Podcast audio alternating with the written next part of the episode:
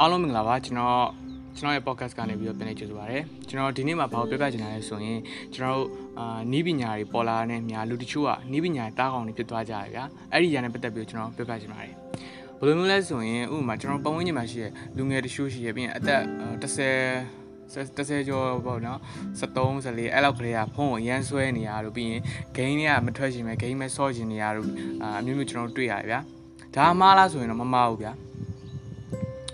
ဘာလို့လဲဆိုတော့တခြားနိုင်ငံကကလေးလည်းဒီတိုင်းပဲ game တွေစော့ကြတာပဲသို့တော့ကိုကအဲ့လိုမျိုးနီးပညာရဲ့တားအောင်ဖြစ်သွားပြီဆိုရင်တော့ကိုကဒီဇိုင်းပြီးသွားမှာ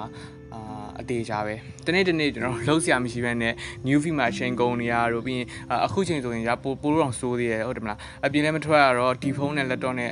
ဒီဖုန်းနဲ့ဒီ laptop နဲ့မျက်နှာမခွာနိုင်တော့ပဲနီးပညာရဲ့တားအောင်ဖြစ်ဖြစ်သွားကြတဲ့သူတွေရှိရဲအာဖြစ်လဲဖြစ်နေကြတယ်ဗောနော်ဆိုတော့နီးပညာရဲ့တားကောင်မဖြစ်ခင်မှာ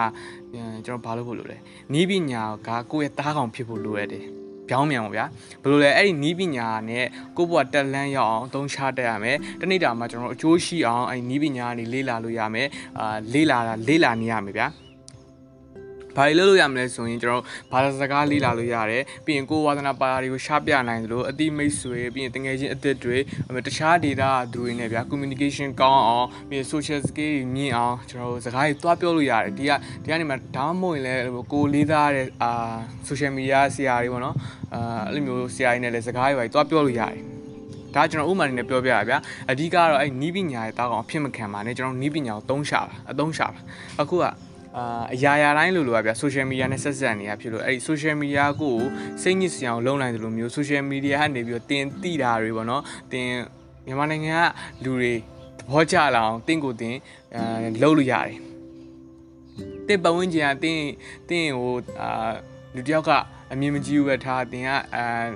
social media နေပြီးတော့တင်ကိုလူတွေအဲ့လူထက်များတဲ့လူတွေကပိုပြီးသဘောကျအောင်တင်လုပ်နိုင်တယ်